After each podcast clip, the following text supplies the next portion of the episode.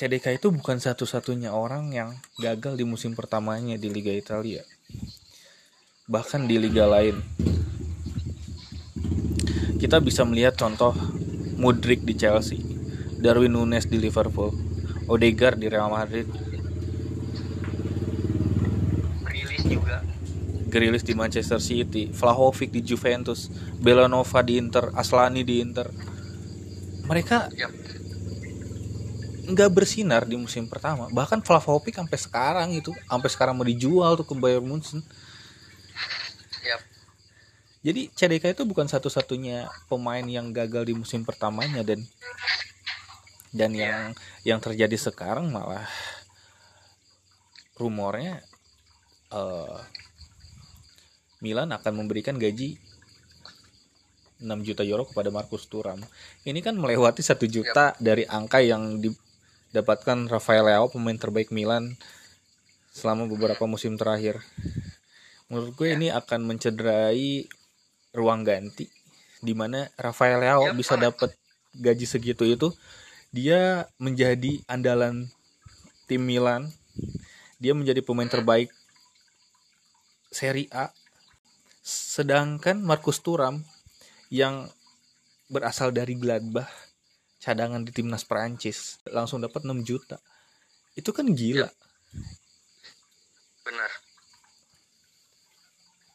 Banget banget mencederai atau bikin goyang ruang ganti pastinya. Bahkan kan dulu waktu pas Giroud perpanjang dia merasa nggak dihargai dengan gaji terlalu rendah dibanding Leao kan. Itu aja udah kelihatan. Apalagi Marcus Thuram pemain baru muda langsung digaji dengan harga setinggi itu. Menurut gua dengan dengan gaji 6 juta itu masih banyak yang bisa yang pantas di Milan. Theo menurut gue lebih pantas dihargai segitu menurut gue.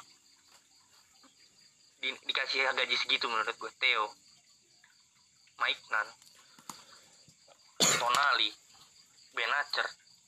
Menurut gue lebih karena apa? Karena apa gue bilang lebih layak.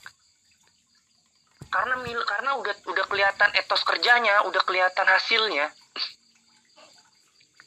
Terus apa bedanya lu sama Maldini kalau gitu caranya? Maldini beli pemain dengan harga 25 juta, gajinya rendah loh. Lu lu beli pemain dengan gaji, gaji tinggi loh. Belum terbukti juga di Milan. Kita bisa evaluasi pemain itu kan satu musim, per musim. Ya emang sering banyak yang banyak yang evaluasi setiap laga. Cuman menurut gue yang paling benar itu evaluasi pemain itu adalah setiap musim menurut gue. Di situ baru kelihatan data statistiknya. Dan benar apa yang lu bilang tadi, amat sangat tidak adil untuk seorang Adli, seorang CDK. Baru di musim pertamanya langsung dipecat. Itu nggak adil banget tuh. Bener lu bilang, itu itu nggak adil banget. Seharusnya masih ada kesempatan kedua.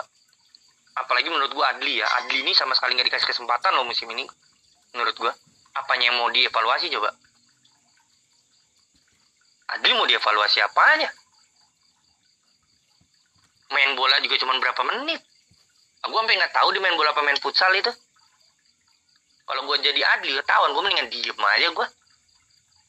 Di lapangan, orang dua menit lagi habis, lima menit lagi habis, diem aja lapangan. Kalau gitu.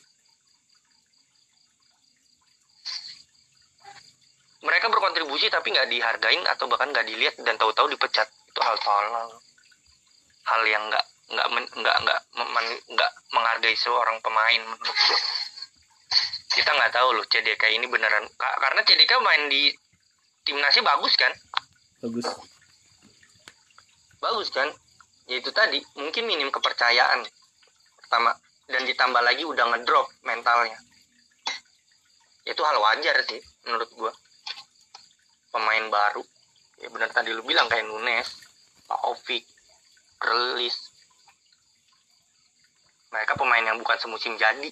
Atau bahkan kita bisa lihat Chelsea Enzo Fernandez yang mana? Mana tuh pemain yang harganya ratusan juta? Mana hasilnya ada? Kagak. Loh Hah? lu beli cuanki. Atau apa kek ketahuan mini itu kan nggak nggak nggak instan. Tapi apa? Tapi mau sabar. Ya itu karena pemain tinggi juga harganya. Mungkin kalau seandainya itu terjadi di Milan oh gue udah nggak tahu tuh. Gue nggak tahu udah dipecat kayak apa tuh sama Cardinale. Uh habis.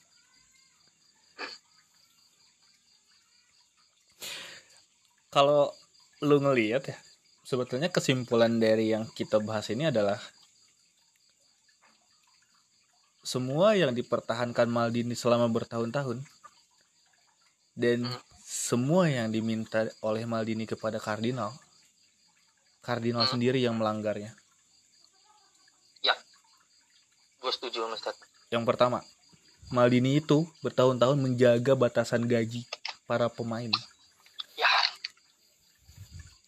itu tuh sensitif banget bro benar di Milan itu pemain yang gajinya tertinggi itu adalah pemain yang memang paling jago, paling berkontribusi dan paling penting.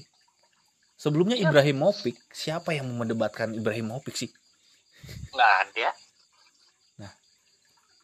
Lalu Rafael Leao. Dan Rafael Leao pun dikasih gaji tinggi atas izin dari Ibrahimovic. iya karena dia dikurangi gajinya Ibra bilang kalau perlu gaji gue buat lu semua dan gue jual rumah gue buat lo agar lo mau perpanjang kontrak di Milan. benar Sekarang Kardinal malah melanggarnya dengan menawarkan gaji 6 juta kepada Turam yang bukan siapa-siapa. Itu ngaco.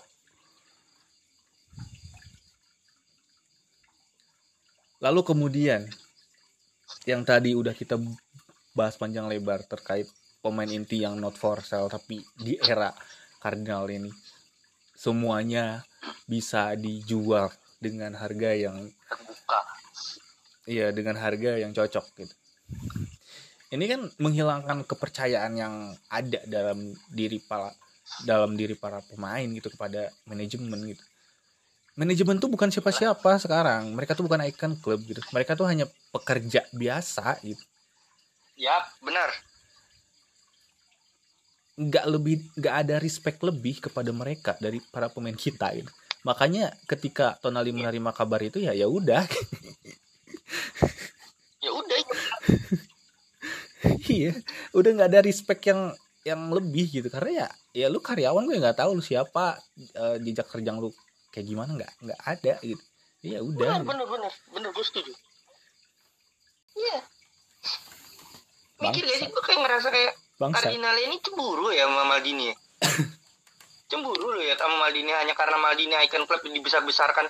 Selalu disebut dulu kan namanya sama Milanis dan Kurvasut. Selalu jadi bahan bahan apa namanya? Bahan terpandang sama pemain-pemain yang mau dibeli. Lu cemburu lu nggak disebut pada lu pemilik kayak gitu. Gue pengen ngerasa lu cemburu ya.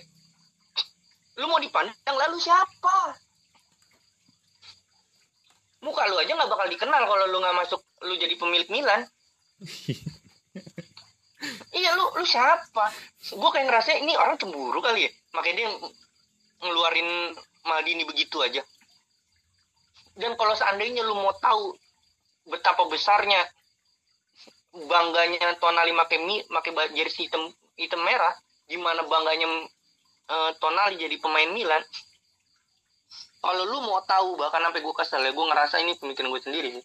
Sampai gue berpikir kalau emang lu mau tahu nih Cardinale gimana besarnya nih jiwanya Tonali ini sebagai Milanisti sebagai pemain Milan ketika eh, Newcastle menawar harga 80 juta dan dengan gaji segitu coba lu pura-pura bilang ke Tonali Inter sama Juve juga mau lu dengan harga 90 juta dan gajinya 20 juta. Coba gue yakin ditolak mentah-mentah Tonali Tonali bukan cuma sekedar uang Tonali itu lebih dari itu. Gila lu kita kehilangan icon banyak. Terus icon muda kita mau dihilangin juga. Emang nih orang ini sentimen Cardinal ini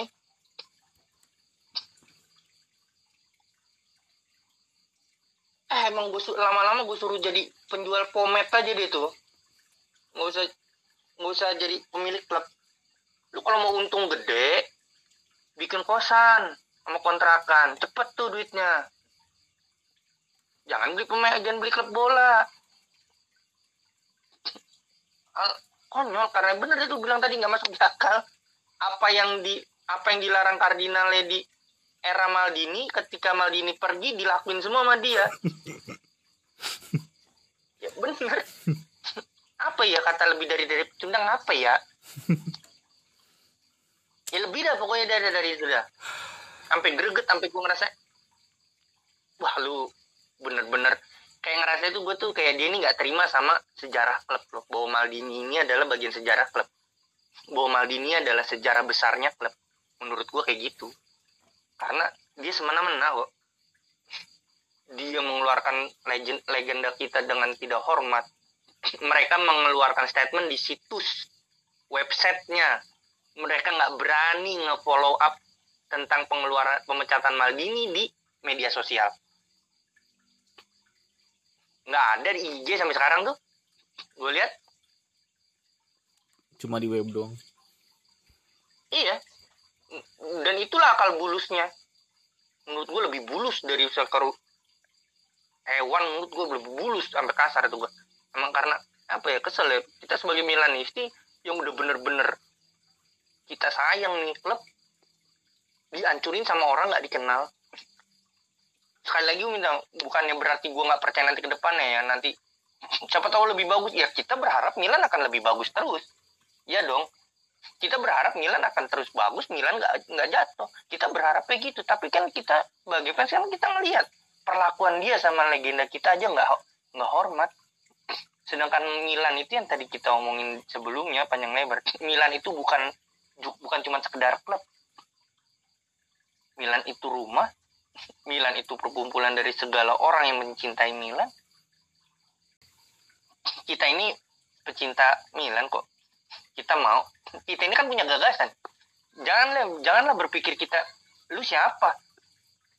Lu cuma penonton layar kaca. Baju lu ori apa KW lu kok berani ngeritik ngeritik klub waduh itu gua rasa itu orang belum makan itu yang ngomong begitu tuh. Karena lu kenapa lu untuk ngeluarin gagasan lu kritik lu hanya di stop dibatasin sama jersey KW atau ori. Dibatasin sama lu nonton streaming apa nonton legal atau ilegal? Lu pernah ke San Siro apa kagak? Kok alangkah tolol ya kalau seandainya kita Milanisti Indonesia nggak bisa? Kritik karena lu pernah nonton di San Siro? Eh emang lu pikir kurva shoot itu nonton di San Siro karena apa? Karena deket sama rumahnya.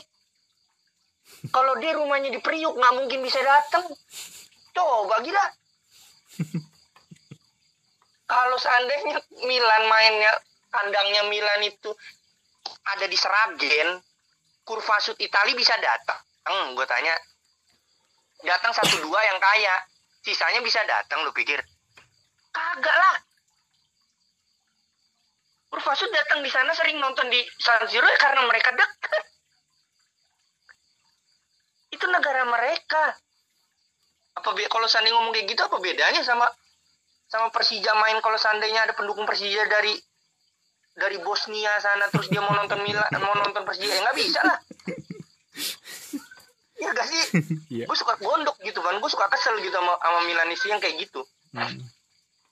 gue suka kesel maksud gue kalau lu punya gagasan lu punya kritik untuk tim klub yang yang yang lu suka ya ya lu lakuin. Jangan jangan apa namanya jangan jangan diem. Maksudnya kenapa lu harus tanya orang nilai orang? Lu nggak boleh kritik karena lu nggak beli jersey KW eh lu nggak beli beli jersey ori lu beli lu jersey KW lu nonton streaming lu nggak pernah nonton di San Siro lah. Bebek. Iya. apa-apaan Nah kita kritis kita kritis sama Milan wajar kok. Kita kritik juga di tempat yang benar di FP Milan. Ya oke itu FP lokal ataupun enggak. Bahkan kalau seandainya lu mau kritik di FP-nya di media sosial resminya Milan juga bisa didengar kagak. kita ini para Milanisti ini nggak perlu nggak nggak nggak nggak apa nggak berharap didengar sebenarnya sama sama manajemen karena sekelas kurva Sutai nggak mungkin didengar kok sama manajemen iya kan Hmm. Belum pasti didengar kok sama manajemen. Kita nggak berharap itu tapi karena kita mencintai ini klub kita cinta sama Milan kita suka sama Milan kita fans berat Milan kita Milanisti kita keluarin gagasan kita. Ketidakterimaan kita akan sesuatu tindakan dari manajemen. Yang kita kritik bukan Milannya yang kita kritik manajemen. Kalau lu berpikir kalau emang lu bener-bener Milanisti gua rasa lu akan berpikir lebih jernih dan berpikir bukan cuman tentang gini loh. Menurut gue berpikir ah ya kan klub yang lebih tahu. Oh ya kan manajemen lebih tahu dia lebih tahu. Nggak usah so pinter. Mereka lebih paham daripada kita. Kalau lu cuma sekedar begitu jangan nonton bola nonton Subasa. Udah ada alurnya. udah ada alurnya. Ini sebenarnya nggak masuk di akal ya lu harus ungkapin itu. Lu harus terima kalau ini tuh nggak masuk di akal. Jangan cuma sekedar ya udahlah gue terima lah. Ya apa pun yang terjadi gue tetap Milanisti kok. Ah lu pada rep pada pada berisik. Gue ini Milanisti dari tahun 90 gue Milanisti dari alah tuh gue kesel banget itu kalau ngomongin itu dah. Lu lahir Milanisti aja, dari Bang. tahun jebot tahun sekian tahun sekian tahun sekian. Eh, lu mau dari taman Herbert ke Kilpin juga nggak peduli orang.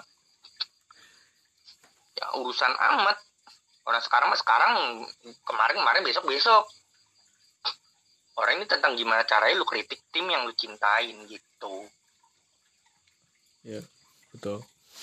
Kritik itu tanpa syarat ya. Ya lu bebas mengkritik apa pun dan ke- kita tuh mengkritik manajemen bukan mengkritik pendapat orang lain. Yup.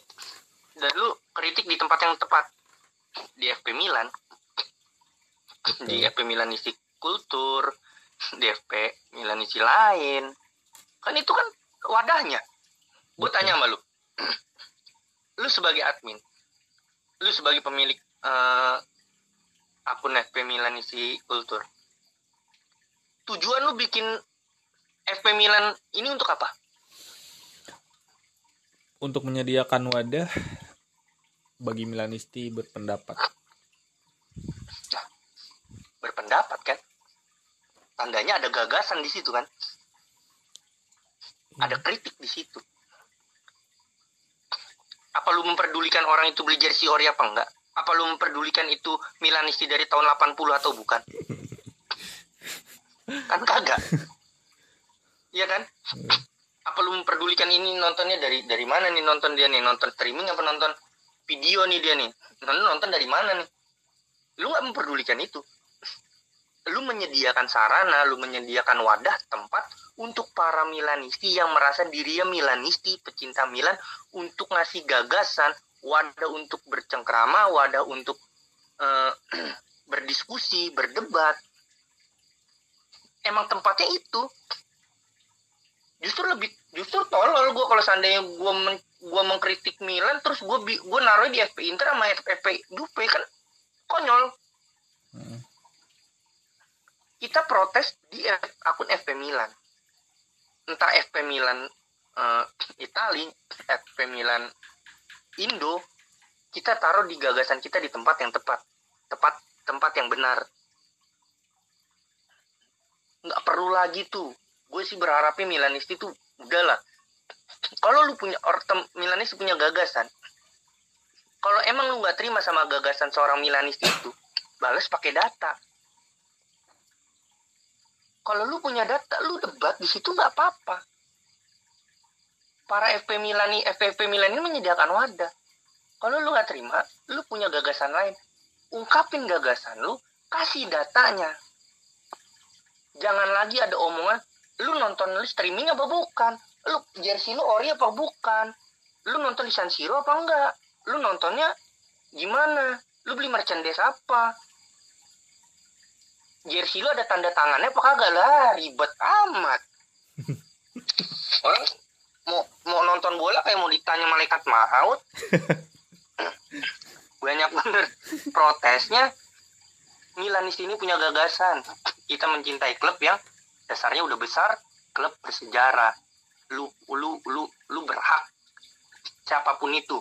Bahkan sekali pun menurut gua lu punya jersey cuman satu. Lu jersey lu beli cuman di di pasar dengan jersey cap tunjuk jersey lu beli jersey di pasar yang harga lima ribu lima belas ribu sepuluh ribu. Lu tetap atau lu dapat jersey giveaway. Ya kan jersey giveaway nih lu dapat selama lu cinta Milan lu Milanisti. Iya. Cakep. Jangan ada lagi. Apa kot pengotak-ngotakan para fans hanya karena lu fans dari tahun berapa? Lu kan fans dari lu kan jadi fans Milan dari tahun 80 karena emang lu tua. Ya kan? Gimana? Terus kalau yang anak kelahiran 2000 masa lu suruh dia jadi fans lapa, fans tahun 80-an lah belum lahir dia. Orang belum lahir masa lu suruh tua. Tuh konyol konyol itu cuman ya itulah Milanisti ya banyak cerita banyak banyak hal gitu ya, berharap Milanisti semua bisa lebih pintar, lebih bisa lebih cerdas dalam mencerna berita. Jangan cuman jangan cuman dari satu berita, jangan cuman dengar kabar dari satu berita. Cerna baik-baik, kumpulin data sebanyak-banyaknya kalau lu ingin bicara. Jangan sampai lu mengatasnamakan diri lu Milanisti, tapi lu bicara tanpa data, lu malah kelihatan bodoh dan lu akan membuat malu klub lu sendiri gitu. betul Eh, sebetulnya ya apa pun yang lu lakuin mau lu pakai jersey Milan KW mau yang ori atau lu nggak punya jersey sekalipun ya ketika lu suka Milan ya lu Milanisti gitu nggak ada siapa pun yang lebih baik dari satu personal ke personal yang lain terkait hal itu dan dan juga Bener. eh Milanisti itu bukan tentang siapa yang paling eh siapa yang paling Milanisti gitu karena yang bisa ngerasain seberapa Ya. Milanisti itu ya kita sendiri gitu bukan orang lain Iya bener. dan kita itu em, mewakili diri kita sendiri aja lu nggak bisa bener. bener. bilang kalau lu lu nggak bisa bilang dan ngelarang orang lain untuk berpendapat karena lu Ya. ngerasa orang lain tuh adalah tanggung jawab lu enggak lu berbicara Ya untuk bener. tanggung jawab personal lu sendiri gitu dan dia berbicara Iya bener. untuk tanggung jawab dia sendiri gitu mewakili dia sendiri gitu dan gue berbicara untuk Hmm. mewakili diri gue sendiri gitu jadi lu jangan ngerasa mewakili orang lain gitu kalau berbicara udah udah gitu aja sih gitu. Kalau misalkan orang lain beda ya udah gitu. Jangan bilang lu siapa? Bener. apa? Emang lu siapa? gitu. Iya. gitu sih. Bukan bukan karena karena kalau lu seandainya ngatain orang kayak gitu lu siapa? Lu beli jersey Milan? Lu jersey KW lu jangan asal protes sama manajemen. Terus manajemen Milan lu cukup cukup lihat komen lu gitu. Wah ini orang bela kita. Oh yuk kita anggap jadi icon klub Hmm, berak bening. Iya, iya. jangan pernah ngerasa menjadi perwakilan untuk Milanisti yang lain enggak. Ya lu jadi Milanisti lu punya greget lu sendiri lu punya unek-unek lu sendiri. Karena begini lo menurut gua ketika lu cinta sama so, so- ini gua nggak ngomong klub lain karena selama gue jadi Milanisti gua nggak pernah ngikutin berita klub lain sebenarnya. Bahkan sebenarnya gue juga nggak terlalu paham juga sama klub lain. Jadi kalau menurut gua ketika lu cinta sama Milan ya ketika lu jadi Milanisti gitu ya ada kebijakan yang miss aja sedikit untuk kepentingan klub. Lu tuh greget gak sih dalam hati lo hmm. Ih, kok begini sih? Ih nanti gimana? Ih nanti gimana? Jangan lu anggap itu ah itu mah cuma ketakutan lu aja lebay lu lu jangan ini. Justru ketakutan yang dibentuk sama Milanista itu adalah tanda care-nya dia sama klub. Tandanya dia nggak mau klubnya dia yang dia suka itu hancur ya lepas dari keta- ketakutannya itu salah atau benar ya. Tapi dengan munculin rasa apa rasa rasa takut kalau klubnya kenapa-napa dengan kebijakan manajemen baru atau gimana itu tanda tanda cinta dia sama klub. Jangan lu salahin orang. Jangan lu ngerasa paling bener ala itu cuma ketakutan pre. Klub ini bisa bisa tahu lebih tahu dibanding lu lu jangan lu jangan jangan kritik eh, sebegitu kerasnya. Eh mohon maaf. Kritik yang namanya kritik itu nggak ada yang pro. Kritik yang namanya kritik itu membangun dengan cara keras. Kritik itu tandanya lu mukul suatu kebijakan. Adanya kritik karena ada kebijakan yang salah. Tandanya ketika lu kritik sesuatu itu kebijak lu tandanya lagi mukul kebijakan itu kritik ya harus keras. Kritik nggak boleh lembek. Namanya kritik. Kalau lembek pemasukan. Kalau lu kritik ya lu harus keras. Lu harus tegas sama kritik lu. Jangan lu pikir kenapa? Nggak usah lu kritik terlalu keras manajemen lu. Kita suka sama Milan kita bangga sama Milan. Kita mau kritik sekeras apa pun itu hak kita. Mau didengar apa enggak itu urusan belakang. Intinya kita nunjukin rasa cinta kita sama klub dengan ngasih gagasan ngasih kritik. Entah itu dengan komentar entah itu dengan postingan setiap FP kan dilihat setiap FP Milan kan itu beda-beda postingannya tuh. Itu kan nunjukin kekecewaan mereka dengan cara yang berbeda-beda nunjukin protesnya mereka dengan cara yang berbeda-beda. Untuk apa? Ya untuk ngeluarin argumen dia tentang ketidakterimaan atau argumen dia tentang bangganya dia tentang dengan klubnya.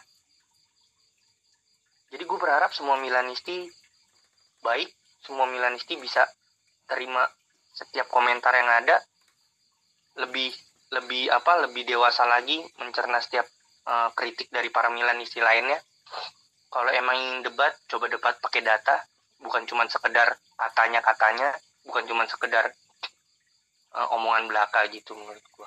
Dan jangan marah. Dan jangan lu kata-katain orang yang kritik gitu. Ya kesimpulannya em, sebagai fans kita punya hak untuk mengkritik klub kebanggaan kita. Dan. Bukan sebuah kewajiban bagi kita untuk mencari solusi. Ya, dan kritik bukan berarti ya, pemecah solusi. Ya, kita hanya mengkritik. Hak kita itu mengkritik. Mencari solusi itu bukan kewajiban kita itu kewajiban dari manajemennya itu Manajemen. sendiri ya dan untuk para fans yang memang terkadang toksik ketika berdebat mungkin cobalah untuk sesekali mencoba untuk mengerti daripada untuk menjawab. Iya. ya oke thanks menurut gue Jack gitu. ya. Bener. Oke. Jangan kapok-kapok nih udah join di eh, podcast ini. Oke enggak lah. Gue seneng banget bisa berbagi sama Milanisti. Sehat-sehat Van. Sehat-sehat semuanya para Milanisti di mana pun. Sehat-sehat buat semuanya. Ya apa pun yang terjadi kita doakan yang terbaik untuk AC Milan gue dan Zaki. Pamit undur suara Forza Milan. Forza Milan